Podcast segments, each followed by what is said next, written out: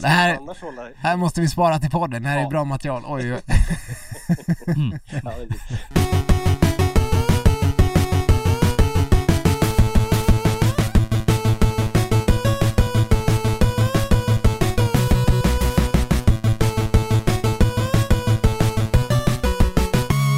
Ja, men god dag, god dag, god eftermiddag, god kväll, god morgon, vad fan det nu är där ute när ni lyssnar på detta. Detta är Skidsnack som är tillbaks eh, efter eh, många eh, sju sorger och åtta bedrövelser, eller vad man brukar säga. Eh, och ni som lyssnade förra veckan eh, kanske märkt att eh, jag, Stenqvist, satt själv här i studion. Men det gör jag inte denna vecka, utan eh, direkt från covid-karantän. Välkommen tillbaks Sköld! Ja men tack så mycket. Jag har aldrig varit så glad att sitta i den här studion som idag faktiskt. Nej. Eh, du ser lite blek ut. Nyss sa du att jag såg välmående Ja, men det, det var ju inte i sändning. Nej. eh, jo men, eh, ja, eller ja, du sa att jag såg blek ut. Det, det, känner jag inte alls. Jag känner mig sprudlande och eh, har aldrig varit så här ja, men, eh, energisk. Det hade inte så varit konstigt, inte så konstigt om du hade varit lite blek efter, efter dina nio dygn i isolering. Ja, jag är ganska så jävla trött på min eh, lägenhet kan jag säga. Ja. Eh, Eh, vi börjar prata hemma om att vi kanske måste måla om eller byta ut hela möblemanget så för att det, vi är så otroligt trötta på att se den bara. Ja, jag förstår det. Och varann också kanske. Det... Ja, kanske det. Ja. Vi funderar på att byta ut våran katt också för vi är lite trötta på att se henne. Allt ska bytas ut. Men du mår i alla fall bra? Eh, jag mår alldeles prima. Hur skulle du säga, hur, hur, många, hur många procents kapacitet eh, av, av topp-Stefan eh, har försvunnit än? Eh, nej men jag skulle säga att jag är någon form av speedad, maxad variant, så jag är på 150 procent. Du är liksom en inverterad kalla? Ja.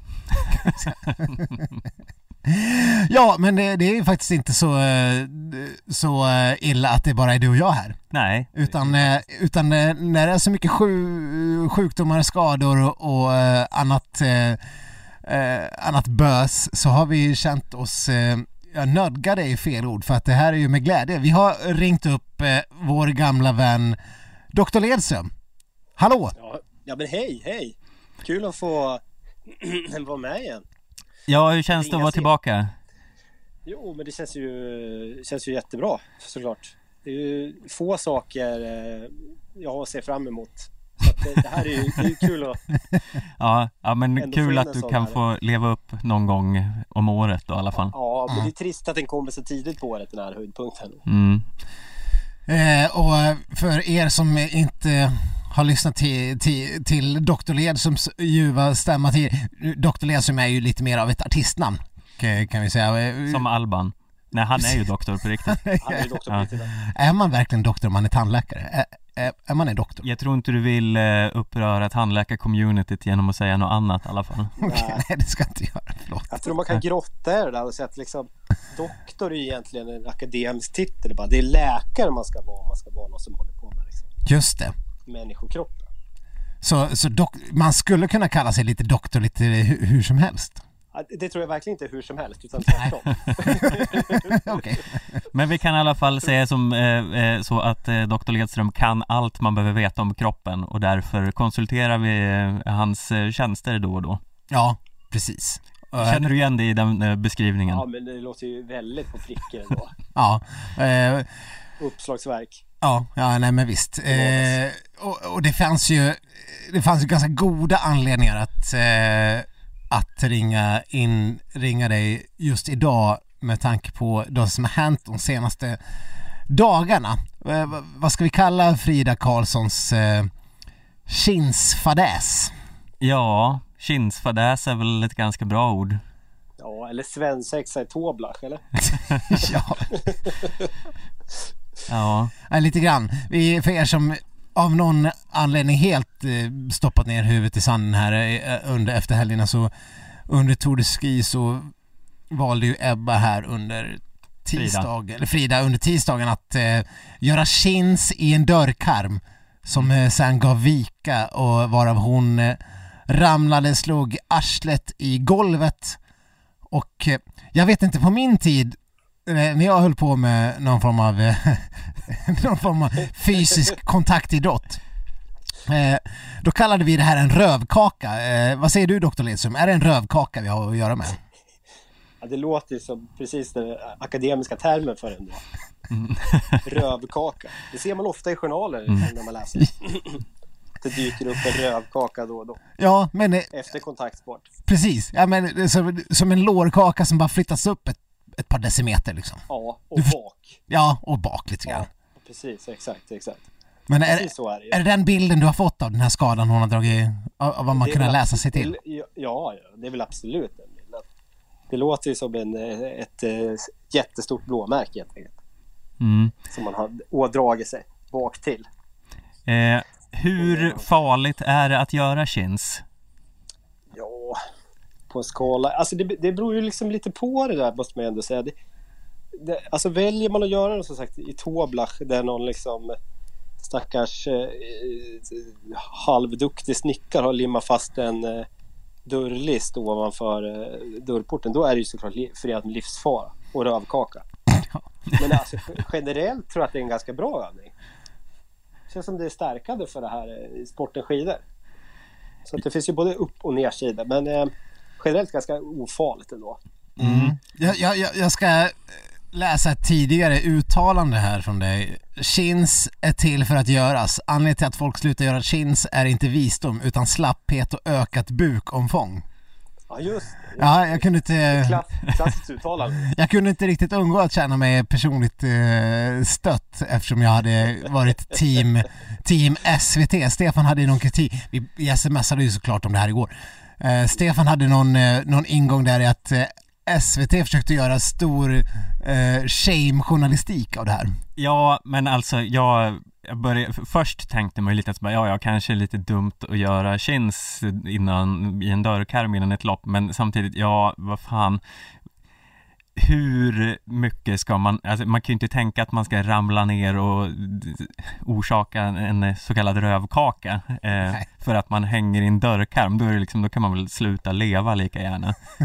Eh, Helt klart, inte stödhjulen måste ju komma av någon jävla gång. Ja, för det är liksom sen när de intervjuar... Vad du, vad du säger här alltså, att om du inte får göra chins i dörrkarmar, då, finns, då kan du lika gärna skita i att leva? Eh, ja, men lite så faktiskt. Ja. Vad är okay. liksom poängen om man ska hålla på och vara orolig för att ramla ner i golvet om man hänger i en dörrkarm? Det, det, det låter ju så fruktansvärt tråkigt så jag vill inte vara med Nej. Då. Ja, gå runt och frukta gravitationen mm. dagligen känns som en ohållbar tillvaro. Ja, men det, det, det jag störde mig på i intervjuerna efter var att när hon hade avslöjat den här skadan så lät det ungefär som att hon hade stoppat upp en fyrverkeripjäs i röven och avfyrat och fått en brännskada. Eh, för att det liksom var världens jävla hyss hon hade gjort. Eh, och det är liksom, hon har bara hängt i en dörr. Ja. Det är liksom, ja ja, shit happens när de sen började fråga alla andra åkare om det var ju liksom, jag höll på att skratta ihjäl mig när de frågade Jessica Diggins om vad hon tyckte om den här olyckan hon aldrig hade hört talas om. Och sen fråga, skulle du eh, någonsin kunna göra en sån här sak? Och hon sa ju såklart yeah, absolutely. Ja. Eh, för vad är, vad är det för jävla fråga? Det är liksom en sån sånt konstigt hypotetiskt resonemang till någon som inte har någon aning om vad som har hänt och ja. ja jag, jag, jag är ju helt klart team SVT. Eh, jag tycker det var helt bra, gå till botten med det här. Som, som Dr. Lesum är inne på lite i början, ja, svensexa i Toblach. Det här, det, här, det här är ju något beteende som hör till ungefär som att vi tre, ja. vi har ju, vi har ju suttit, vi har ju varit på fester där, där folk, ja men någon får för sig att nu ska vi liksom ta oss allt uppe på. Nu ska vi vara barbröstade på den här förfesten. För det är någonting som killar gör. Upp till en viss ålder. Där någonstans när man har blivit så här över 27 då slutar ju den här instinkten att liksom ta av sig t-shirt eller, eller skjorta eller vad det var och sitta barbröstad på förfesten. Eller kanske, det kanske är mer efterfestaktivitet. Har vi gjort det här? Det här, det här har vi gjort. det här så, känner inte jag igen med alls i heller. Nej men nej, nej, nej ni, ni har ju förträngt det här. Ja. Det, är, det är ju bara så. Men efter en viss ålder så, så slutar man köra sina barbrösts eh, efterfester. Det, det, det, liksom, det tar slut. På samma sätt som man slutar göra chins i dörrkarmar efter en viss ålder. Och inte bara bukomfånget som styr där. Det är, det är min absoluta åsikt. Nej, men alltså, det, jag tycker att eh, den dagen man eh, som eh, Ledström säger alltså att när man slutar göra sin sin dörrkarm då är det bara att lägga ner. Och exakt. Till deras försvar måste man ändå säga att åldern talar ju för att de ska ha det här i sig fortfarande. Det är sant. Det är positivt. Men det är lite det här också, nu verkar det ju som att, eh, nu återigen ska jag gå på SVT här, men det låter som att de vill att skidförbundet ska se över sina rutiner, som det brukar heta. Mot ja. att liknande incidenter ja. händer igen, att man säger, ja, all, man ska införa förbud mot att hänga i dörrkarmar. Ja, det är ju superbra. Man, tar, man, man liksom rekryterar i snickaren, tar med ner till och han får gå runt och liksom eh, antasta liksom på olika liksom mentalt då såklart olika stackars hotellägare som är liksom hårt ansatta på grund av Corona och liksom går runt och skriker vad det är för skit. Mm. Sitter inte den här fast, den ska man kunna hänga i. Jag den tål inte att hänga i, den här takkroken. Jag tycker att de borde sätta upp sådana här eh, skydd på sängarna, en sån här liten träkant som barn har på överslafen i en våningssäng så att mm. de inte ramlar ner. Ja, just. Ja, men Bra. Eh, vi hade ju ett litet, eh, vi ska göra ett litet test här i, eh, i live i sändning Stefan. Du ska demonstrera. Jag ska försöka referera det här till er när Stefan testar på att göra chins i dörrkarm. Stefan går nu fram emot dörren in till poddstudion och ja, bara häva sig Stefan. Ja, han drar sig upp en gång och ner, långt ner, två gånger upp. Det ser, dörrkarmen håller i alla fall. Tre. Jag tror det räcker sådär Stefan. Det, det, du har ju för fan precis överlevt corona. Hur många chins ska man behöva göra? Nej, vi får säga att eh, här i Aftonbladets poddstudio så det är ingen fuskbygg av dörrkarmar i alla fall. Man ser ju på, på bilden som eh, Frida la ut. Alltså, det är ju fastlimmad den där jäveln.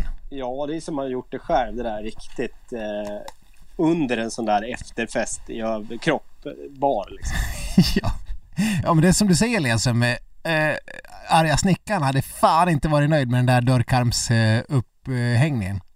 nej, nej. Varför har du limmat listjäveln? Lite ens, lite ens... Liksom en receptionist där som har ingenting med saken att göra. Hotellägaren har ju rasat lite mot det här tilltaget för övrigt. Eh, tyckte att det inte alls var bra att hänga i lister. Men då försvarar han sig med att hotellet byggdes under, under den legendariska stora italienska spikbristen 83. Eller vad, vad, vad, vad, hände här liksom? Det förtäljer inte historien nej. nej, men apropå, nej men som ni är inne på när uh, fördömandet av SVT's uh, eh, agrojournalistik kring det här. Det är faktiskt, Sportbladet har ju varit de som har jagat hotellägaren mest av alla. ja, för transparensens skull skulle jag säga att det är inte bara SVT som har varit eh, uppviglare här, det har ju alla varit. Eh, men ja, det är ju ändå en briljant nyhetsstory i under eh, eh, under ett mästerskap eller en, under en eh, tävling får man ju säga. Det här händer inte så ofta. Nej. verkligen. Man känner ju liksom väldigt mycket med, med Frida i de här lägena också. Liksom att först förstår man ju det, där som, det som, när det händer där och då förstår man ju liksom precis hur det går till. Man drar i backen, så in i bänken och så bara hoppa upp och skrika det gick bra. Mm. För att sen inse att, liksom, att det är rövkaka som är på platsen. Mm. Och sen får man gå runt med den här skammen bra länge innan man har åkt loppet och sen får liksom masa sig bort till media och säga ja, jag gjorde lite chins. Det verkar som inte sitter fast dörrposten på de här hotellen. Jaha, ja, det är hårt. Men om man säger så här, hur mycket ska vi lasta Maja Dahlqvist för det här? För det var ju hennes idé. Det var hon som började med chinsen och det är också, ja. det är också lite obegripligt äh, att, eller obegripligt, hon, hon, hon, man känner ju att Maja Dahlqvist är några stadiga kilo tyngre än Frida Karlsson. Mm. Hur kunde de hålla för Maja och sen, eh, sen ge vika för Frida? Ja men Maja har ju luckrat upp limmet. Ja. Det är, är ju den enda förklaringen. Ja, det känns ju som en, det var en klassisk ditsättning helt enkelt. Haha, här fick du. Kan det vara en slug plan för att bli av med en konkurrent före en i, en i listan? ja, det är ju frågan om alltså. Men du som ändå har sett en del eh, märkliga skador i dina dagar och kanske kan ge en lite mer allvarlig fysiologisk eh, bild av den här typen av skada. Eh, hur, hur hämmad kan man tänka sig att hon har blivit av det här? Ja, men ganska rejält faktiskt. Det tror jag ju. man brukar ju kunna bli väldigt, väldigt um och det är väl det som helt enkelt avgör. Hon körde på smärtstillande här på uh, fristilsloppet. Ja, det är ju också fascinerande. Jag undrar hur mycket sånt man får ta egentligen. Det brukar ju också vara en, en grej som man inte får vara så frikostlig med. Men jag vet inte. Det känns ju som att det, det är ju ett blåmärke av värsta sort liksom. Så det går ju över. Men att det, det gör ju bara väldigt ont. Och det är väl det som gör att man inte orkar plågas helt enkelt. Det, är inte, det behöver inte vara så himla mycket krångligare än så. Men det rör sig väl om ett par veckor som det kan hålla i eller kännas. Men det är inte att det så, gör allvarligt ont. Det borde inte hålla i någon Men jag tänker att när man väl är inne i och eh, åker så borde man ju få något slags adrenalinpåslag så att man inte känner av den här smärtan så mycket utan att det snarare kommer efter. Men det kanske inte funkar riktigt så. Ja, alltså det, det är ju alltid olika. Det är väl olika när man har ont. Det är ju svårt att säga precis hur det ska spela ut. Men vanligtvis är det ju att det brukar bli bättre när man rör på sig. Man blir stel och extra ont när man efteråt. Det är säkert så att det blir bättre under loppet men det är långt ifrån bra. Mm. Det lät ju på Frida som, som vi hörde Uh, vi, kan, vi, kan, vi kan ju bara spela ett litet kort uh, Frida-klipp om vad hon säger. Hur är det när du uh, liksom hade sikte på segern i touren och det blir så här? Eh, ja... Nej, jag ångrar ju att jag började leka touch på rummet. Det, det står jag verkligen för. Hur har den här dagen varit? Du har, liksom, du har ju gjort, eh, först var du ute och joggade och sen så var det mobilitetstest och lite sådär innan och så skidtest. Hur har liksom förmiddagen varit för dig? Nej, det känns som jag har ljugit lite för mig själv liksom. Som att jag trott att det varit bättre än vad det varit liksom. Och det är ju en sak att jogga lugnt och det är en sak att tävla så och försöka få full kraft så ja, jag vet inte riktigt. Jag ska... Ja, jag vet inte. Ja, hon ångrar att hon spelar Tarzan. Eh, det framkom ju även i intervjuer efteråt, eh, Ledström, att, eh, att hon att hon inte riktigt, att det hämmade, det verkar som det hämmade mer när hon åkte klassiskt. Eh, att hon inte riktigt kunde ta ut eh, stegen. Eh, mm. vad, vad säger du vad, vad, tror man? Kan, kan, det här, kan det här liksom ändå, det tar ett par veckor att läka, men kan hon, kan hon prestera på sitt topp bara inom några dagar efter det här? Alltså, det tror jag inte. Jag skulle inte säga att det vore omöjligt. Jag skulle kunna säga att den där backen inte vore omöjlig liksom. Då är det inte heller klassiskt, då är det ju liksom skate, så det borde väl kunna... Ja, då ska man ju bara klampa jävligt fort. Ja, men det handlar ju om att ta sig dit då. Och, liksom, men det, och det är en vilodag, det kan, kan ju mycket även där. Liksom. Mm. Att tiden går är ju det bästa. Mm. Och det är inte så jättemycket tid att spela på. Det är väl det som är hela problemet här helt enkelt. Ja. Det är svårt att ha, hurry rehab. Mm. Det måste ju ta lite tid liksom. Det Men... finns inte så mycket att göra till sådana saker akut. Om det är så att eh, Maja och Frida springer på en eh, härlig dörrkarm nere i Val nu när de kommer dit eh, och eh, känner det initiala suget att testa igen. Eh, vad skulle du rekommendera dem att göra istället som är lite mer eh, säkert med facit i hand? Ja, alltså en, om de ska göra en annan övning. Ja, just det, just, just det. Man får ju tänka helt enkelt vad man har i, i, i rummet. Eh, man får kolla ifall det finns spikhål i grejerna. Det är väl liksom det första man ska göra. Se så det sitter där det ska. Men sen eh, får man väl lägga sig på golvet och göra armhävningar tills eh, till eh, liksom fan avlösen helt enkelt. Ja, mm. jag tänker också att den här klassiska jäg jägarvilan som Frida var jävligt bra på. Den, den känns skadesäker. Ja, å andra sidan så... Men luta dig mot en vägg där nere får du se vad som händer. så sitter du liksom i Jessica Diggins säng sen för att den rasar rakt igen. Vi sätter bara tapet, ingen vägg.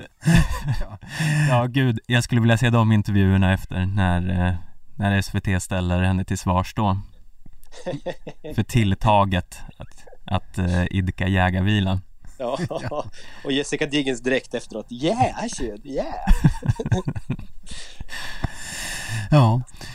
Ja, nej, vi får se. Det blir ju ytterst spännande att... Eh, i pådande stund vet vi ju inte riktigt om Frida ens kommer att åka. Det kommer nog fälla avgörandet här ungefär när ni kanske lyssnar på den här podden. För det är ju en vilodag. Så vi får väl se.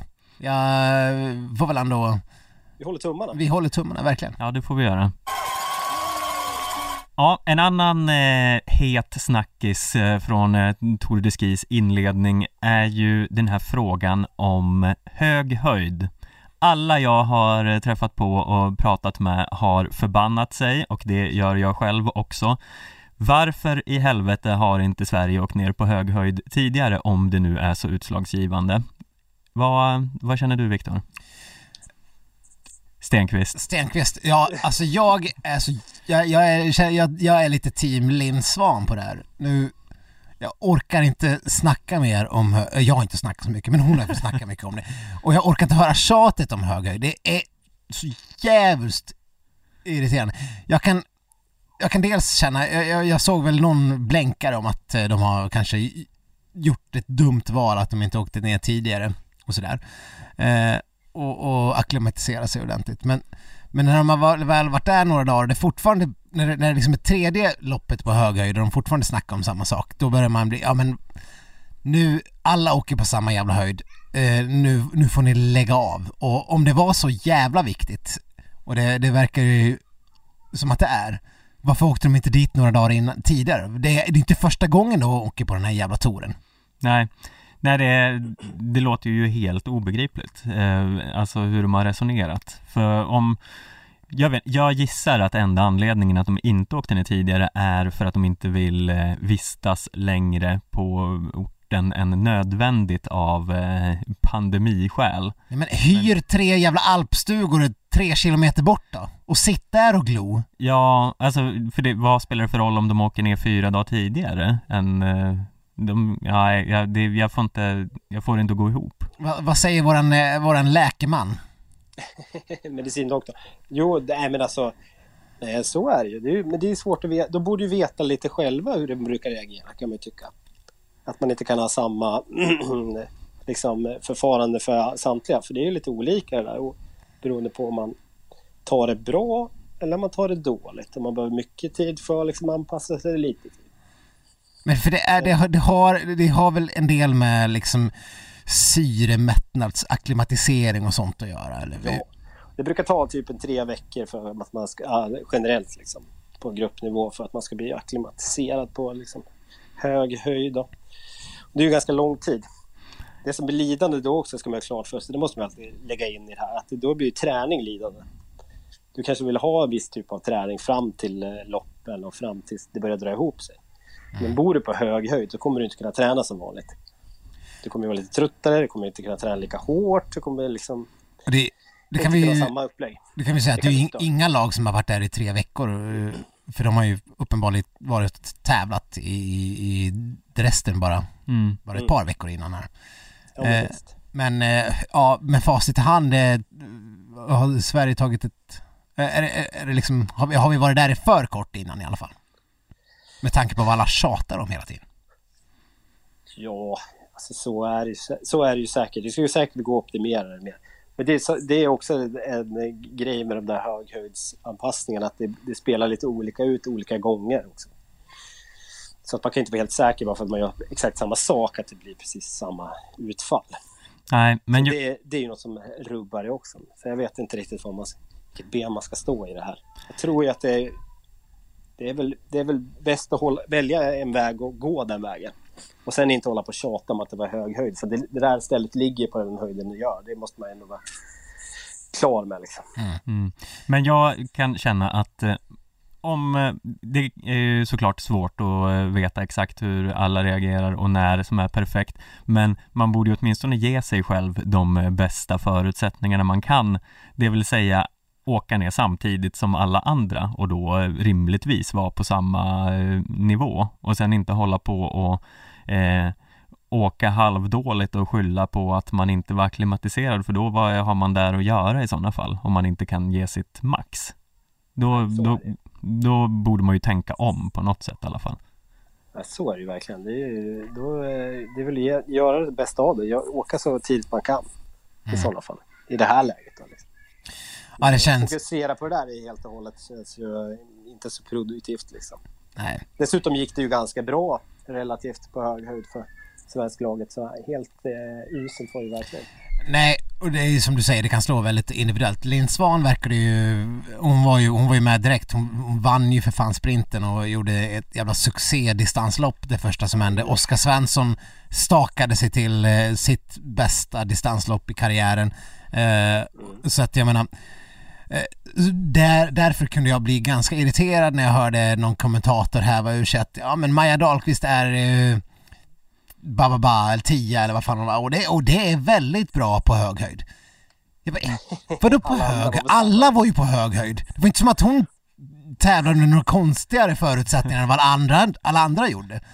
Man, man, man, möt, man, man möter väl inte sig själv, man möter ju 48 andra personer som tävlar på exakt samma förutsättningar oftast, än vad, mm. som man gör själv. Ja, man måste sluta ge någon form av eh, fripass för att, eh, eller en ursäkt, liksom, get out of jail free card för att man var på hög höjd. Ja. Det är väl... Till sina egna åkare ja, men inte till de andra. Mm. Nej. och jag vet inte... lite om att de andra var på hög höjd. Men jag vet inte om, så här, Porma har ju vi kanske håsade honom lite väl eh, innan. Eh, för att vi, Eventuellt. Ja, jag var ju där ja ah, men han kan nog vara där uppe bland eh, topp 10, ja, topp 5. Mm. Ja, tjena. Han har, inte, han har inte tagit knappt världscuppoäng hittills. Eh, på typ 4-5 lopp, 5 lopp. Så att, eh, men jag vet inte om det kan det vara det här ungdomliga icke-vanan av hög höjd. Men så kommer Linn Svan som är typ lika gammal och dominerar på hög höjd. Så det måste vi kunna slå olika individuellt men eh... Och sen har, de borde ju också av ungdom att döma ha hängt i varsin dörrkarm också men det har de ju inte gjort. Så det slår ju väldigt det... olika det där hur, hur man hanterar hög höjd och dörrar. Ja, ja verkligen. Ja, det är kanske mest, det är det som är mest anmärkningsvärt egentligen de andra lät bli dörrkarmen. Mm. Kanske fråga oss, fråga oss vad fan de höll på med samtidigt som de andra hängde dörrkarmen. William Poromaa känns ju faktiskt som en, han skulle hänga barbröstad i en dörrkarma. ja det är sant, det är sant. Helt klart. Bara skrika rakt ut. Som i, som i norska herrlandslaget. Det är ingen som har gjort en kin med ett klädesplagg på överkroppen någonsin. Nej. Nej. det är, det är crossfit t-shirt hela tiden där. Det är liksom helt omöjligt att sponsra de där åkarna på överkroppen. Ja. Om man inte kan gå in med en sån här Sundbys eh, svanktatueringsspons. Ja. Precis, det är, den, det är den vägen man måste gå. Det ska, man ska in på liksom dermatomet och gnugga bläck, annars är det kört. Ja, isklar med hemmatatuering, eller henna-tatuering. Gjort på Bali. 09. ja. ja, herrejävlar. Du, Dr. Lesen, fy fan vad härligt att du var med oss idag. Ja, men kul att prata med er. Eh, det låter som du har, du har lite barn du behöver gå tillbaka och eh, uppfostra. Du, du kan inte bara låta dem leka med köksknivarna längre. Nej, nej det, börjar bli, det börjar bli lite av ett problem det där med köksknivarna just nu. Så att jag måste nog återgå till Ja, vi får hoppas att de inte hänger i varsin dörrkarm där utanför när du ja, visst, kommer, kommer dit. De är ju ändå ganska unga de också så det, man ja, vet ju aldrig. Du kommer ha ett par rövkakor att ta hand om. Mm. Ja. ja, så är det. Så. Men jag har ju spikat de här hemma vet du, så det är inget ja, problem. Mm. Så när ni har tid, kom förbi vet jag så ska vi hänga lite dörrkarm. Inga jävla italienska fuskbyggen där inte. nej, gud nej. Arge snickaren hade visslat av glädje när han kom in. Mm. Nej men eh, fan vad kul, eh, ha det gött och eh, ta hand om dig så hörs vi säkerligen av snart igen. Detsamma, ha det så fint. Ha det fint. Mm. Hej hej. Hej. Ryan Reynolds här från Mint Mobile. Med priset på nästan allt som går upp under inflationen, trodde vi att vi skulle bring våra priser down. So to help us, we brought in a reverse auctioneer, which is apparently a thing. Mint Mobile unlimited premium wireless. Ready to get 30, 30, bit to get 30, bit to get 20, 20, 20, bit to get 20, 20, bit to get 15, 15, 15, 15 just 15 bucks a month. So, Give it a try at mintmobile.com/switch. slash $45 up front for 3 months plus taxes and fees. Promo rate for new customers for limited time. Unlimited more than 40 gigabytes per month slows. Full terms at mintmobile.com.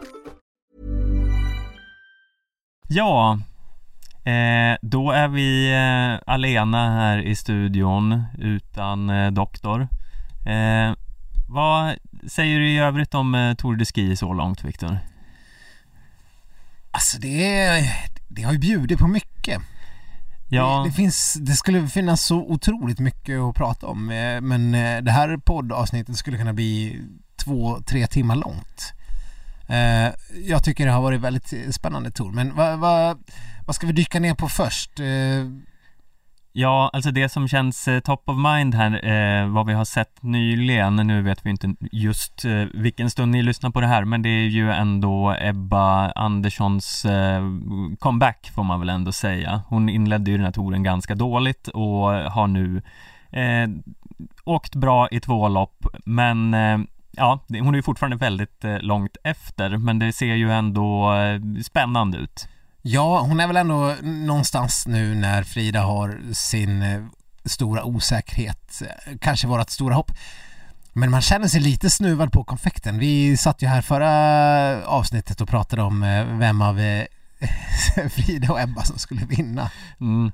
Och så börjar det med att Linn Svan kliver in och vinner två lopp. Ja. Eh, och, och, och Ebba ser man inte skymten av. Nej, Ebba jag, jag, kan känna att det var lite svagt av henne att skylla på skidorna typ tre lopp i rad. Mm. Det här sprintmiss-fiaskot, då kanske hon inte skyller på skidor, då kanske hon skyller mer på sig själv. Mm. Eh, jag vet inte varför hon bör, men hon, ja. Jag, jag, förstår inte riktigt hur hon kan vara så dålig på prologer. Eh, hon kunde uppenbarligen spurta ner eh, Diggins. Hur kan man då vara så dålig på att åka en prolog? Det är lite obegripligt. Det måste, det måste kunna gå att träna upp den eh, explosiviteten mm. någonstans tycker jag som krävs för att åtminstone hanka sig till en kvartsfinal eh, när det är Tour de Ski och allra bästa sprinters kanske alla de 30 bästa i världen kanske inte är med. Nej, när det är topp 30 borde hon ju rimligtvis vara bara på ren eh, talang. Mm. Eh, även om hon inte är någon sprinter. Men sen, sen är det ju fascinerande att se att hon kommer tillbaks eh, så starkt. Jag, jag, jag är ju liksom alltid någonstans team Ebba i alla lägen. Mm. Eh, även när liksom hon fightas med Linn Svan eller eh, hon eh, Ja, hon, hon gör allehanda roliga uttalanden och så ja, jag vill ju att det ska gå bra för Ebba. Mm. På alla, alla, alla sätt. Sen Sen har det ju sett så jäkla segt ut. Sen, eh, sen nu de sista två dagarna så tar hon två pallplatser. Hon kunde fan med till och med ha vunnit här på slutet. Men eh, det är det där med spurt, spurtningen som inte är hennes grej. Ja, det får ju och då spurtar hon ändå ner Diggins så det är ju ändå eh, ganska bra eh, utdelning. Men man är ju ändå lite så här, det, man tänker ju att Ebba har eh, vunnit, men det har hon ju aldrig gjort. Aldrig hon väntar ju fortfarande på att ta en världscupseger så det hade ju, måste ju vara lite surt att vara där tvåa, trea. Precis. Eh, den stora förklaringen till att hon aldrig vunnit eh, stavas ju Therese Johaug. Eh, men hon har väl nu alltså då 17 pallplatser utan, utan seger. Det, det är ju, nu tappar jag vem det var, men det är ju en person som, som vi höll på med förut som höll på att vara tvåa och trea 41 000 gånger utan att ta sin första seger. Nu minns jag inte ens om det var längdskidor eller någon annan typ av sport men eh, eh, det, man undrar om det börjar bli en liten eh, eh, mental spärr. Ja, ett litet hjärnspöke där när det drar ihop sig till eh, spurtduell eller avgörande. Eh, ja, det är ju inte omöjligt men eh, vi får hoppas att hon löser det snart. Sen ska vi säga om den här spurten till eh, eh Diggins. Det finns ju spurtsegern över Diggins i, i, i eh, jaktstarten. Det framkom i intervjuer efteråt. Linn Svan var jävligt nöjd för hon har tydligen gett något hemligt tips. Till, Jaså? Ja. Eh, hon berättade i intervjuer att hon, hon var så glad för Ebba hade kommit fram till henne och bara Åh, jag slog Diggins i spurten, tack så mycket för tipset. Eh, varpå Eh, Eh, de, de, eh, vilken, eh, vilken person som helst som kallar sig journalist måste såklart ställa följdfrågan om vad, vad, är det, vad var det för hemligt tips? Och då är Linn Svan så pass hemlighetsfull att hon säger att nej men det där det håller vi inom gruppen, det ska inte ut, ut i allmänhet. Så då blir man ju jävligt nyfiken. Vad tänker du Stefan har Linn Svan gett för tips till Ebba som gör att hon sen direkt går in och, och knäcker Diggins i en spurt? Eh, ja, det, jag tänker att det är något så här eh, en liten utfällbar kniv eh, som är fäst på låret. Så att hon, och så har hon en knapp på staven som hon Det- trycker på så att den bara, som en sån här James Bond Ja, jag tänkte, liksom. nu har du sett för mycket James Bond. ja, Som bara åker ut, gör ett litet hugg i Diggens lår så att hon eh, eh, klappar ihop där på En, en halv Nancy Kerrigan kan man säga. Ja, lite så. Kanske inte en jätte så här, vass eh, kniv eller liksom Nej. ett, så- eller att det blir så djupt men bara ett litet, ett litet nyp. Inte sära, bara rispa. Mm. Som, skulle, som, som vi brukar säga. Ja, ja nej, jag, jag, jag önskar jag hade någon mer rimlig förklaring men det har jag faktiskt inte. Jag, för jag såg inte så mycket det såg inte ut att vara någon så här sensationell taktik. Hon låg bakom Diggins på vägen in mot upploppet. Ja. Eh, och sen tog hon Stupaks rygg och, och krigade sig förbi. I don't know. Det, det, det såg ganska vanligt ut. Ja, nej det är ju svårt att se att det är något sätt trick som är helt eh, omöjligt att se med blotta ögat. Men att inte ligga först i sista backen ner mot stadion, eh, det känns väl som lite grann formulär 1A för att vinna en spurt. Ja, Att komma i vindsuget. mm. ja det är väldigt svårt att förstå vad det här är. Om man inte, om man inte förstår det, då vet jag inte vad man har i en tävlingsområde eh, att göra. Ja, nej men någon får dra det här ur Linn Svan helt enkelt. Ja, ja. Eller Ebba, jag vet inte vem som är enklast att, eh, att pressa. Men eh, Om du skulle gissa, vem, vem skulle liksom break first? Eh, nej men alltså det känns som att Ebba är lite Om för... du tar in någon sån här CIA-förhörsledare. Jag tror att Linn Allt- breakar först för Ebba har blivit så medietränad eh, sen eh, början. Linn är ju lite mer frispråkig. Jo, men jag tänker liksom, nu, nu, nu kör waterboarding, allt är tillåtet. Ja, det är Guantanamo här. Ja, precis. Tror du ändå att det är Ebba, eller att det är Linn som breakar först? Ja, jag tror faktiskt det. Kanske. Eh, mm. Ja, du Eh, kanske har rätt. Eh, Linn kanske liksom, hon skulle inte klara av vatten skendränkningen lika väl som Ebba. Usch.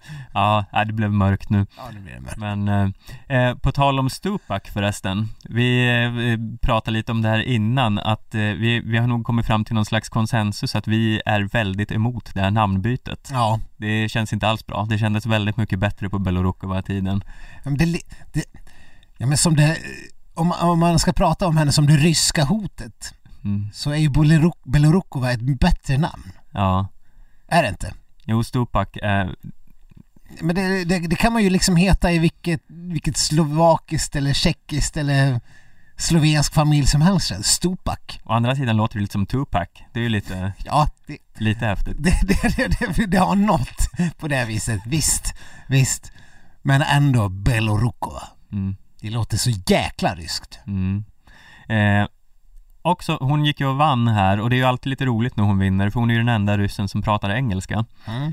Eh, vilket bara är, är eh, lite fascinerande i sig och man undrar ju varför hon kan engelska och så vidare. Mm. Eh, men eh, hon, eh, hon var ju väldigt eh, hon pratade om att hon tillägnade den här segern till sitt barn som vi ju har varit lite tveksamma om det existerar på riktigt eftersom hon ju aldrig var gravid på bild. Eh, men här, så jag vet inte, var det här en ny eh, skenmanöver eller tror du att det var en riktig hälsning till barnet? Som skulle fylla, eh, vi får säga grattis på ettårsdagen Mm. för övrigt. Nej men jag... Baby Stupak. Baby, baby Stup, inte baby Belorukova. Ja. Som vi hade hoppats. Men nej, det var väl det var väl fint och jag, jag måste ändå säga att jag man blir nästan lite besviken när ryskarna pratar engelska. man vill, det, och då ska det ju då ska det ju vara, det ska ju vara en Bond, Bondskurksryss Mm. i så fall. Då ska det ju brytas, men då, då är det oftast en dansk eller en svensk som spelar de här. Ja. Men, Men- Jag, jag vet inte, det, på något sätt, jag, jag tänker ju på det här eh, eh, sjukt eh, mycket för vad som är rimligt egentligen, men att det är något som är lurt här. Och det här med att hon också är engelsktalande, det är något som adderar. Jag, jag ska gå till botten med den här konspirationen känner jag. Och, och sen att hon har ett namn som skulle kunna vara Tupac, Ja, ett S framför. oj nu fick jag rysningar här. Det finns ju en del rykten om hans eh, eventuella påstådda död. Ja. Tänk Mm. om han har återuppstått som en 25-årig rysk längdskidåkare. Ja, nej. Mm. Det, det, möjligheterna, eh, det är hisnande. Apropå ryska skidåkare. eh, vi har ju pratat om sorgerna förut. Jag nämnde ju att eh, det var någon eh, krönikör som eh, direkt hissade dopningsvarningsflaggan. Ja. Efter att hon kom två, eller om hon till och med vann. Mm. Hon tog, sin, tror hon tog i alla fall sin enda pallplats i världscupen någonsin hittills. Hon är 26 år. Mm. En annan som eh, på några veckor nu tagit fem pallplatser i världscupen Mm. från att knappt tagit en enda jävla poäng Mm. förut. Och dessutom är 32 år. Jag har spanat och spanat och spanat men jag har inte sett en enda dopingsflaggviftande krönika om eh, Brennan i Nej. Expressen. Nej, vi var ju lite inne på det här eh, då senast också, men det är ju sant. Nu borde ju verkligen dopningsflaggan ha hissats där om Men det ska vad, vara vad håller de på med villkor. där borta på redaktionen? Ser de inte att en 32-årig amerikanska som har tagit fem pallplatser på några veckor och som fortfarande verkar vara ungefär hur bra som helst för att hon är väl tvåa i Tour de Ski. Mm. När kommer dopingryktena kring Brennan? Ja. Hon har, jag satt och kollade igenom hennes, eh, hennes statistik eh, på FIS-appen här och hon har ju varit bedrövlig. Ja. Alltså jätte, jätte, jättedålig de senaste... Alltså förra året kanske hon tog ett par världscuppoäng mer men det är liksom en åkare som, eh, som har ramlat in på kanske tre, nu från höften, men tre topp 10 placeringar i, i världscupen eh, under tidigare delen av sitt liv och då är det någon nionde plats. Övrigt knappt eh, världscuppoäng. Mm. Hur förklarar man det? Eh, ja, Jessica Diggins förklarade ju det här i en intervju efter eh, något lopp att det var den eh, goda stämningen i laget och att de lyfte varandra och eh, bla bla bla eh, jada jada jada om Mm. eh, den eh, så här, eh, på ett så här väldigt amerikanskt sätt. Ja. Team spirit och eh, God bless America. Ja. Nej, men om inte Expressen ska ta upp eh, dopingflaggsviftandet får, då får det väl vara Stenqvist som gör den här gången. Ska du verkligen gå den vägen? ja, men om de ska vara så här imperialistkramare då får ju vi som är den kända kommunistpodden ta eh, andra vägar. Ja just det, ja det är sant. Finns det några fler du vill höja flaggan för när du ändå är igång? Ja, Diggins ser ju oroväckande pigg ut själv efter att ha liksom eh, i princip kunnat dödförklarat hennes karriär tidigare. Mm. Ja, nej men där, det, hon har ju verkligen, eh, hon brukar ju antingen vara eh, bra i sprint eller på distans och halka efter lite i det andra även om hon historiskt sett har varit bra på båda. Men nu verkar hon ju ha hittat rätt och är grym i båda helt plötsligt. Mm. Hon blir ju, nu är det några lopp kvar här men hon kommer ju bli livsfarlig för totalen för hon är ju också rätt bra på att klättra. Ja, fast hon är väl ändå inte så superduper bra på att klättra. Nej men hon är, hon är ju ändå, hon är ju ingen sån här som eh, fallerar på sista etappen. Hon har ju varit på pallen och eh, eh, ja, vi vet ju inte hur bra eh, svenskorna är exempelvis. Men eh, av de andra i toppen där nu så tror jag ju att hon blir svår. Ja, Ebba är väl då, vad sa vi, 2.09 efteråt. Mm. Och eh, hon har ju en sprint där så hon kommer ju tappa mer i den på eh, de andra med all sannolikhet. Jo, fast Diggins har ju inte varit så här supersprint... Eh, jag ja, menar nu var ju vi... på pallen här i förra sprinten. Ja, men eh, rent historiskt över tid har hon ju inte haft sprintformen. Hon har inte haft någon form förrän under Tour de Ski i princip, så att det är ju lite av en chock alltihop. Eh, men nog ska väl Ebba ändå kunna kriga sig till en kvartsfinalplats den här. Jag menar, kommer de ens få ihop 30 tjejer som, som startar prologen? undrar men De är, jag tror de är 45 någonstans kvar i poddandes stund. Ja, tar hon inte en eh, kvartsfinalplats nu är det ju lite av ett fiasko.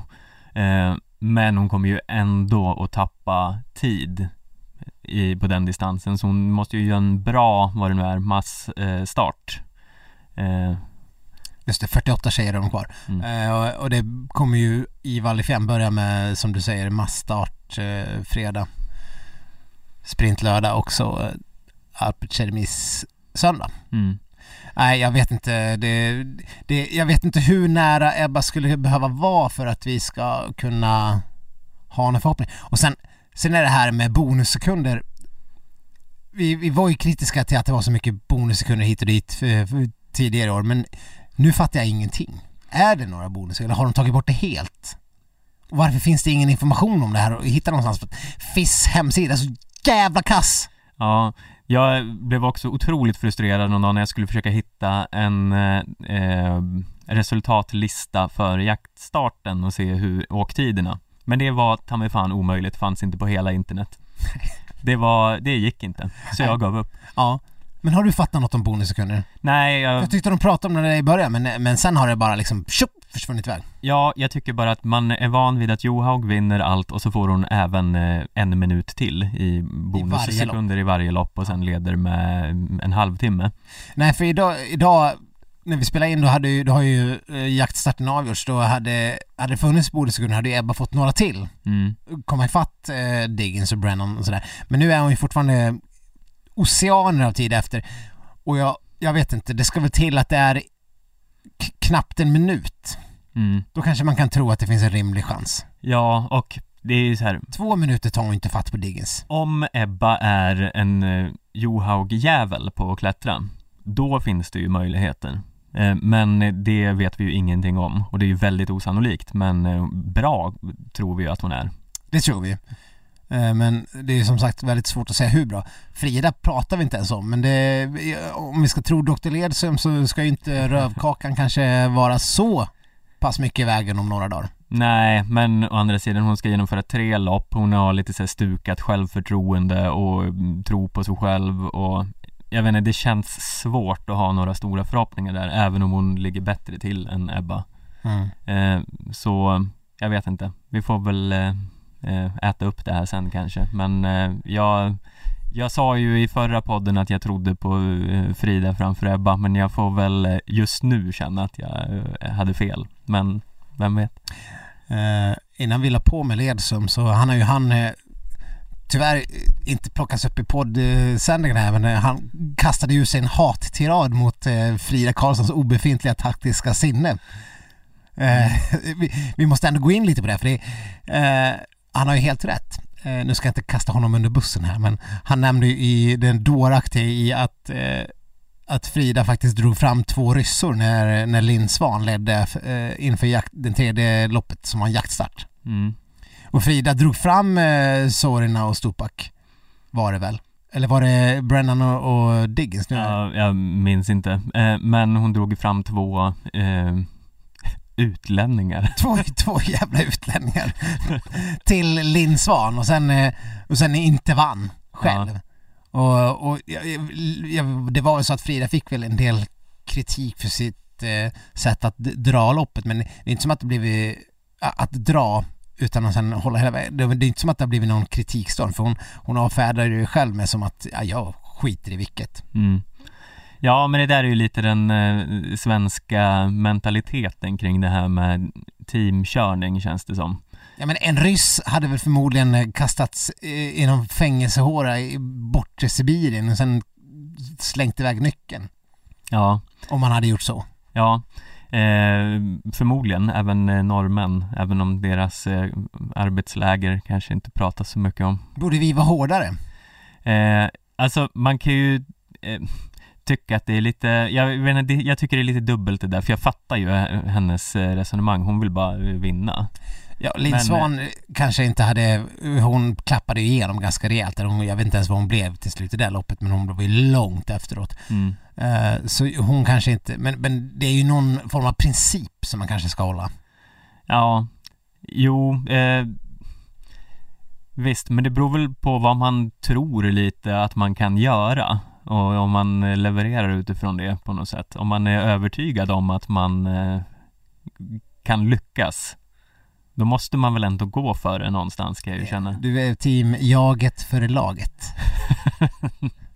Ja, det är ju ändå en individuell idrott ja, ja. Eh, så... Så när du tänker tillbaks på eh, Anders Södergrens och eh, Marcus Hellners magiska bromskloss-taktik i OS i Vancouver. Jag tycker inte att man ska ställa en situation mot en annan. Jag tycker att man du måste få vända kappan eh, lite efter vinden de här. De var helt idiotiska som försökte göra allt för att Johan Olsson skulle få så mycket lucka i skiathlonloppet som möjligt. Eh, nej, du, nej. Du kan inte se tillbaks till det här loppet och tåras och, och känna känna liksom nationalistisk glädjeyra över det vackra. Nu tycker jag du blandar äpplen och päron här. Jaså? Mm. Nej, jag tycker du precis sagt att du skiter i allt vad lag andra står för. Eh, jag tycker vi byter ämne. Ja. Vad ska vi mer prata om? Eh, jag kollar här i våra anteckningar. Så slår man eh, stora hål i, i dina tankebanor och då, då drar du ryggen. Direkt. Ja, ja. Eh, vi har pratat väldigt lite Patetiskt. om... Ska vi börja bråka här Ska vi? Nej, nej, nej. Herregud, du är en coronaöverlevare. Vi, nu ska jag... Ja, ja faktiskt. Jag, jag ska ha en klapp på axeln Ja. jag. Eh, nej men eh, vi har pratat väldigt lite om herrarna hittills men det har ju inte varit riktigt eh, samma spänning där för vi har ju bara eh, eh, ryska mästerskapen där egentligen. Eh, vi har Bolsjunov som eh, är bättre än alla andra och sen är det 50-11 ryssar där bakom som eh, också är, är eh, rätt bra. Jag har inte kollat upp det här, men visst... Eh, Bolsjunov har vunnit alla lopp utom ett. Alltså, han har väl tagit fyra av fem segrar. U- undrar vem som... Alltså rent historiskt, Johan kanske är där, men på här sidan undrar jag om någon verkligen kan ha vunnit eh, så här mycket. Kläbo kanske. Mm. Men Kläbo har ju aldrig direkt varit så här eh, Ja, genomgående bra på distans. Nej, Alltså han är ju i sina perioder eh, overall bra, men han har ju inte alltid dominerat och varit bra på distansloppen. Eh, Vi stack ju ut hakan eh, redan innan Tour de Ski sa att Bolsjunov, att det inte finns någon konkurrens. Eh, och det, surprise, vi, vi och alla andra Mm. hade rätt. Han, han sopar i banan, det är ju, det är ju bara någon form av eh, ja, KGB-nackskott som skulle kunna... som skulle eh, fast så sånt vet vi att det pågår ju, skulle aldrig pågå i vårt kära Ryssland. Nej. Eh, däremot där bakom är det ju så här om man vet att Bolsjunov kommer vinna så vet man ju däremot inte vem som är näst bästa ryss för det kan ju vara lite vem som helst för dagen. Det kan tydligen ibland vara Spitsov Ja, från ingenstans. Eh, och så är det ju Belov, Melnichenko, Chervotkin dyker upp från ingenstans. Ja, det de är så jävla många. Och sen kommer det komma en sprint, då måste man leta upp eh, Rättivich igen i, i sina fantasyrullor. Ja, Det, det, ja, det tar liksom aldrig slut och då, då har vi ju Ustjugov på hemmaplan. mm. Som, eh, jag vet inte om han har gjort en lika imponerande kamp som du men eh, vi får se om han kommer tillbaks. ja, han är hemma och värmer upp med lite dörrkarmschins här Ja, och ser hur det funkar. Ja, Ja, ja nej, nej, han är ju över 25 eh, antar jag så eh, då får man inte göra sånt. nej men det är ju lite eh, det, jag vet inte det, är inte, det är inte tröttsamt på samma sätt som när, om du hade varit i Norge. Det, det, det är, det, när jag såg eh, det här loppet, eh, jaktstarten och det var, de var etta, tvåa, trea, fyra, femma och sjua, åtta. Det var väl typ så här Magnifica som klämde sig. Och Lapalus, våran nya favorit. Ja, men vem, är den här? Eh, vet inte så mycket om honom förutom att han är en, eh, en jag gillar bara honom rent instinktivt. Ja men det är ju helt sjukt. Han, han, eh, han jag som ändå liksom följer det här med hyfsat stort intresse hade aldrig hört talas om honom. Aldrig. Själv hade jag ju tagit ut honom i mitt fantasylag eh, eh, när du messade om Ja, detta. men, alltså jag hade inte ens liksom, jag kollar igenom de här startlistorna varje dag och det vissa namn Alltså sätter sig inte ens liksom som en liten, eh, som en liten blänkare på, på näthinnan eller järnbarken eller whatever the fuck. Det, det liksom hade inte krusat min yta, hans existens. Mm. Nej, Jag, tror, jag har lagt det på minnet för han eh, har samma namn som familjen som eh, blir, eh, eh, som, eh, eh, vad säger man, som eh, gömmer eh, judarna i början av Inglourious Bastards. Just det. Eh, så det har bara det satt sig på minnet att jag tänker, eh, Heter det verkligen Lappalys? ja, eh, det är jag ganska säker på. Okej, ja, men jag tycker ändå jag har sett den där filmen så många gånger. Lappalys? Signor Lappalys? Signor, det kanske är italienskt. Monsieur? Ja, okej, jag är ju, eh, har ju varit dödssjuk i en vecka så Men jag sen, ska inte eh, ta gift på det här. Sen skickar du lite skärmdumpar på hans Instagram. Det verkar ju vara en skön dude. Ja, eh, ja verkligen. Jag, Han tog ett tårfyllt farväl av sin av öl under 11 månader framåt. Ja, man visste inte riktigt om det var ett eh, sponsrat samarbete med Kronenburg eller eh, vad han höll på med. Men eh, det är ju sällan mm, någon skidåkare vågar sticka ut hakan så mycket. Ja, men det var... Även om jag såg att eh, bröderna Bö drack eh, vin på sin nyårsmiddag. Nej, Mm. det var inte så här eh, liksom eh, eh, Anna Bok-vin. Eh, Alltså i själva verket någon form av liksom någon sån här, eh, svartvinbärssaft. precis. Ja, eh, ja, det var ju en vinflaska i alla fall. Jag, det gick inte att zooma in så mycket att man kunde se alkoholprocenten. Men Det här är ju, det här är lite av en fransk motsvarighet till rysk poesi. Mm. Eh, att han heter Hugo också. Det, är, det, är, det är lite så här magiskt. Hugo Lapalus. Brindelsäsongen är slut. Kroneberg lägger jag undan den. Färdig med den. Jag tror det är dags att ta skidan. En sak som är säker är att vi kommer tillbaka. God öl, jag älskar dig. Ses om 11 månader. Och så marseljäsen på det. ja, Ja, ja nej. det är Ja, det, vackert. det är vackert. Mm. Hugo Lapalus. Ja, nej, han blev ju, från att ha varit totalt okänd så eh, är han ju Jag tror att vi... skitsnacks eh, skitmotsvarighet till eh, Rastorgujevs. Ja, man måste nog säga Hugo. Ja, Eller så, för annars lever vi ju inte som vi lär. Det här stör ju med att de säger Martin och Simon Fourcade. ja, Eh, vi måste ju hålla någon stringens här faktiskt. ja, jag, jag, jag har, jag, jag- jag, får lägga mig platt. Ja. Men eh, Som, som han, Victor Hugo. eh, Hugo, alltså ja, det, ja, precis. H är silent. Mm. Bra. Mm. Eh, nej, eh, annars den här ryssdominansen, vi får väl se. Det kommer väl vara allt annat än tre ryssar i topp uppför berget. Kanske till och med fem eller sex är väl en skräll. Eh, ja, det känns ju som att eh, det är svårt att se vem som skulle kunna vara där. Man har ju, det har ju pratats en del på förhand om så här Musgrave som inte har- har levererat någonting och eh, vissa andra namn men det, nej, det kommer ju bli total rysk där. Vi var ju lite inne på det tidigare, men hur, hur besviken är du på Porma? Eh, ja, han, han verkar vara tillräckligt besviken på sig själv. Eh, och eh, Vem Han- i Sverige är inte besviken på sig själv just nu?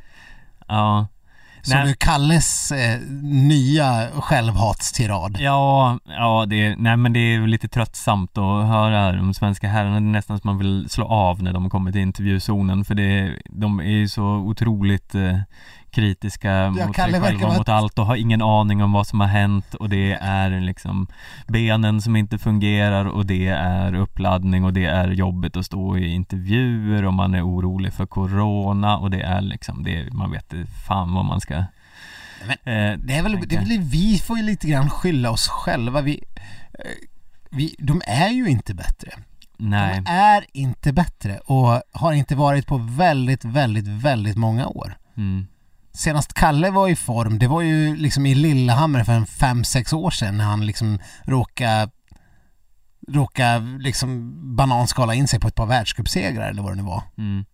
Men ska vi ta i hand nu på att vi från och med nu inte höjer eh, Kalle Halvarsson till någon form av eh, eh, att om det går bra för honom här i framtiden så ser vi det som en skräll. Ja, jag menar inte bara det är väl även, det gäller väl även Porma och, och, och Burman och vad fan de nu heter. Mm.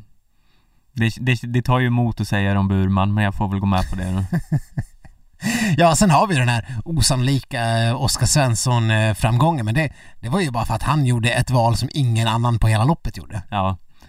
Ja, det var ju en, eh, eh, ett taktiskt genidrag. Det var väl kanske inte kapacitet som låg bakom det om man ska vara lite bara hård. Nej, nej och om ni missade, han stakade ju på eh, på masstartsloppet på klassisk stil när alla andra körde festvalla och han, han, han körde stakning och det visade sig vara en jävla succémetod. Det var ju bara det var ju bara Bolsjunov och några ryssar i princip som orkade vara före honom. Eh, och han hade ju tänkt göra samma sak på den eh, klassiska eh, klassiska jaktstarten men det fick han inte för då hade de helt plötsligt inf- infört, eh, så här, helt oväntat out of the blue infört stakzoner. Mm. Eller stakfria zoner. Vilket, alltså fan, ja. Det, det har vi ju också pratat om förut men lägg ner Fiss, era jävla töntar. Får väl skaffa bättre banor om ni inte vill att folk ska kunna åka så snabbt som möjligt på dem. Mm. Ja men faktiskt. Alltså det är så jävla löjligt. Vad, eh, vi, har, vi har ju också mässat lite här i veckan om eh, de här guppen eh, som de har placerat ut på eh, Satans i, Om det var i Valmustair eh, För det var väldigt mycket snack om när ryssarna krockade i den här backen och Eh, Jackie Mushkin sen var tvungen att åka utanför banan Vilket man inte får för att undvika krock och sen åkte in på banan och då pratades det ju extremt mycket om eh, han skulle bli diskad eller inte eh, men man såg ju på bilden att det var ju omöjligt att ta sig tillbaka på banan för att det var en massa gupp där. Eh, och de här guppen har ju du eh, framförallt varit väldigt kritisk till eh, tidigare. Hur känner du att de blev nu, guppen? Ja, eh, först så vill jag bara ta tillfället i akt och passa på att hälsa Kalle Anka Cup välkommen in i Tour de Ski. Ja. Kul att även eh, barnskidåkning nu influerar världscupens eh, begivenheter. Nej, Alltså fuck Jävla gupp Fuck gupp, det var svårt att säga mm. Fuck gupp Ja, ja det, var, det låg inte jättebra i munnen Nej Det är en svår hashtag att få igenom, fuck up mm. Men eh, det, det, det var allt jag har att säga om det Ja eh, Som ja. Eh, Forrest Gump skulle That's all I have to say about that mm. ja, vi kanske lämnar det där och helt ja. enkelt Men du, jag ser ju att det lyser i dina ögon. Du är väl, du är liksom, du är en jävla gupp-fanatiker. Eh, ja, eh, verkligen. Saknar nej, men... du att det inte är något hopp i slutet av guppen? Ja, nej men eh, skämt åsido, jag, jag la mig ju an med eh, en attityd att jag var för här när vi diskuterade det här tidigare, men det blev ju väldigt tydligt att de här guppen eh, är väldigt eh, malplacerade när man såg den här situationen när han skulle in på banan igen men det gick inte Nej. för att det var gupp där. Ja. Eh. Och så han fick bara åka rakt förbi dem där och det hände ingenting. Ja. Tidstillägg? Nej. Diskning? Nej. Nej. Nej, nej förlåt, förlåt Jackie Mursken, vi har ju liksom lagt ut gupp här. Mm. Så det går inte att ta sig upp igen. Det är som typ, nej han, man måste hoppa genom eldringarna. Ja, eh, ja, annars blir man diskad. Så, men, men, vi men om man inte kan ta sig upp till dem så, ja, tough luck. Den här debila tv-publiken inte ska gå miste om guppen, men eh, du, du behöver inte åka igenom den. Nej men det är ju så här, man undrar ju lite så här, vad är det någon ska tycka är kul med att se de här guppen? För det är ju inte som att man som tittare bara, oj oj oj, eh, nu kom det små höjder här de ska upp och ner för. Nej men de, de ligger mitt i sprintbanan. Va, vad de tillför är ju att det blir mindre action, för det går inte som sprinter och gör, ska du åka förbi någon på den där potentiella bra raksträckan innan en, en jättebra U-kurva. de har ju tagit bort världens spänningsmoment där man kunde strida om eh, positioner istället. Nej, nu måste vi stå här i 10 sekunder och åka upp och ner i tre gupp. Mm. Det, är ju, det är ju sämre för tv-underhållningen. Ja, Ja det är ju faktiskt det enda det gör. Eh, de får slänga in lite mer svängar och sånt så det blir skicross av det i sådana fall. Ja, ja, nej, ja visst. Ah, mm. usch! Mm, usch. Fuck upp. Ja, innan vi packar ihop för den här gången måste vi ju också nämna det här med eh, Det har varit en stor snackis här i veckan om eh, Linn Swans statement Hon vägrade att hoppa Eh, för er som inte har hängt med så eh, jag vet inte, vi har nog, jag tror vi har pratat om det tidigare eller så har vi bara pratat om det själva. Men det är, har ju varit lite konstigt det här med att när eh, topptrion ska fotograferas efter målgång Så hoppar alltid eh, eh damerna för eh, kameramannen medan herrarna aldrig har hoppat. Eh, Men eh, nu eh, när Linn Svan vann så vägrade hon att hoppa. Eh, och då har ju den här frågan eh, lyfts, varför hoppar damerna och inte herrarna? Och det här måste man ju bara säga att eh, Ja det är ju helt jävla eh, absurt egentligen eh, Och eh, you go Linn Svan, eller? Vad känner du? Äh, hur ska man nu kunna veta vilka som är damer och vilka som är herrar? det är så jag brukar se efter loppet, vad är det jag har sett? Har jag sett ett herrlopp eller ett damlopp? Ah! Nu hoppar de, ja det måste vara damerna jag har sett mm. Nu kommer inte jag fatta någonting Nej Så att eh, Nej, fuck eh, Linn Svan och hennes, eh, hennes eh, jämställdhetsåtgärder. Ja. Eh, ja, nej men det hade ju å andra sidan, man skulle ju vilja se för man har ju inte riktigt tänkt på det här, det är bara så som det har varit tills det gick upp för en att oj, det är fan de, det är bara damerna som hoppar. Eh, men vad galet det hade sett ut om herrarna hade hoppat känns det ju på något sätt. Ja, ja visst, visst är det så. Man, skulle, det... man kan ju inte föreställa dig Bolsjunov hoppa för kameramannen. Ja. Det, det, är som, det skulle ju inte ske. Välkommen till patriarkatet Stefan. Kul att du, kul att du har hittat hem. Ja, det är ja, så det fungerar. Det, mm. De här föreställningarna som är svåra att tänka sig mm. är bara en gammal kvarleva av allting som man inte kan tänka sig men göra det, till skillnad mot kvinnor. Mm. De ska ju in, män ska vara hårda, tysta och, och, och starka. Kvinnor ska piffa till sig, hoppa och vara glada. Mm. Det är liksom, det, det, det går ju rakt in där. Ja, absolut. Eh, men just det är det att det, man har inte tänkt på det i den här situationen. Nej, det, det bara gick upp för en. Nej, det, blir, Oj, det, det, är... det är verkligen, det är ju sådana här ögonöppnare som man inte riktigt fattar äh, ja. finns. Och det var väl det var väl about fucking time att Linn Svan tog tag i det där. Mm. Men tror du att det kommer sluta hoppas nu då? Garanterat. Helt, eh, kommer alla sluta hoppa? Tror du att någon kommer hoppa eh, bredvid Linn Svan? Eh, nej, det, det, kommer ju se jättefånigt ja. ut. Eh. Frida Karlsson har ju också varit inne på det här hoppningsfåneriet mm. tidigare. Ja. Eh, varför ska jag hoppa? Mm. Men jag har svårt att se Diggins inte hoppa. Ja, hon kanske, hon kanske verkligen gillar att hoppa. Det känns som att Kalla var en riktig hoppare. Ja. Men alltså det är väl inget fel att hoppa och vara glad.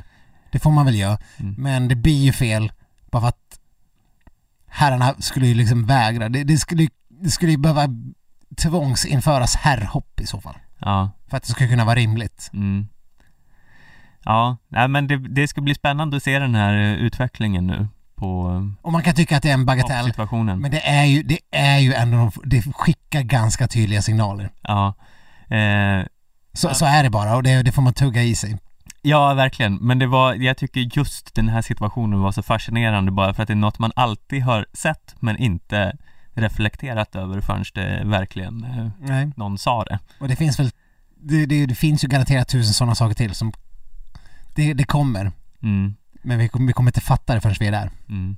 Ja, nej men... Eh, bra, bra Linn. Bra Linn. Eh, eh, du är en eh, ledstjärna i hoppjämställdheten. Eh, ja, men vi vill gärna veta vad det var du sa till Ebba som gjorde att de succéspurtade om Diggins. Jag, jag kommer inte kunna släppa det där alltså. Ja. Helvete. Ja. Vad var det? Ja, spännande. Eh, men vi får väl se om vi har något svar på det till nästa vecka. Förmodligen inte. Förmodligen inte, ja. Vi, ja, vi, vi skickar ut en passning till alla där. Ni för, försök gräv allt ni kan. Ja, om ni har några teorier så får ni gärna komma med dem också. Eh, de kan ni leverera på skidsnack aftonbladet.se eller på Facebook eller Instagram där vi finns under namnet skidsnack. Eh, vad vi däremot vet nästa vecka är ju hur det gick i Tour de Ski. Vem vinner på damsidan, Stefan? Sista frågan. Eh, jag är tråkig men jag säger Diggins. Jag tyckte Stupak såg jävligt stark ut idag. Hon kanske, hon kanske har någon, eh, någon eh, rekordraketväxel inom sig. Jag får väl dra till med henne då, bara för att säga något annat. Eh, men vi hoppas ju såklart att Ebba hittar någon form av inre demon. Eller varför inte Frida om, om rövkakan lägger sig. Ja, ja. Vi, vi hoppas såklart att vi har fel, men eh, ja, det är Nej, svårt att tippa något annat. Det lär ju inte hända. Eh, och jag står kvar vid att Bolsjunov vinner på här sidan. Oj, mm. starkt. Sticker ut hakan rejält här igen. Då så, eh, vi får se om jag överlever den här veckan efter att ha spenderat eh, en och en halv timme här med dig. Ja, det blir spännande. Vi, vi håller tummarna. Det gör vi verkligen. Eh, och eh, förmodligen så hörs vi då igen nästa vecka. Yes. Ha det fint. Hej då. Hej då.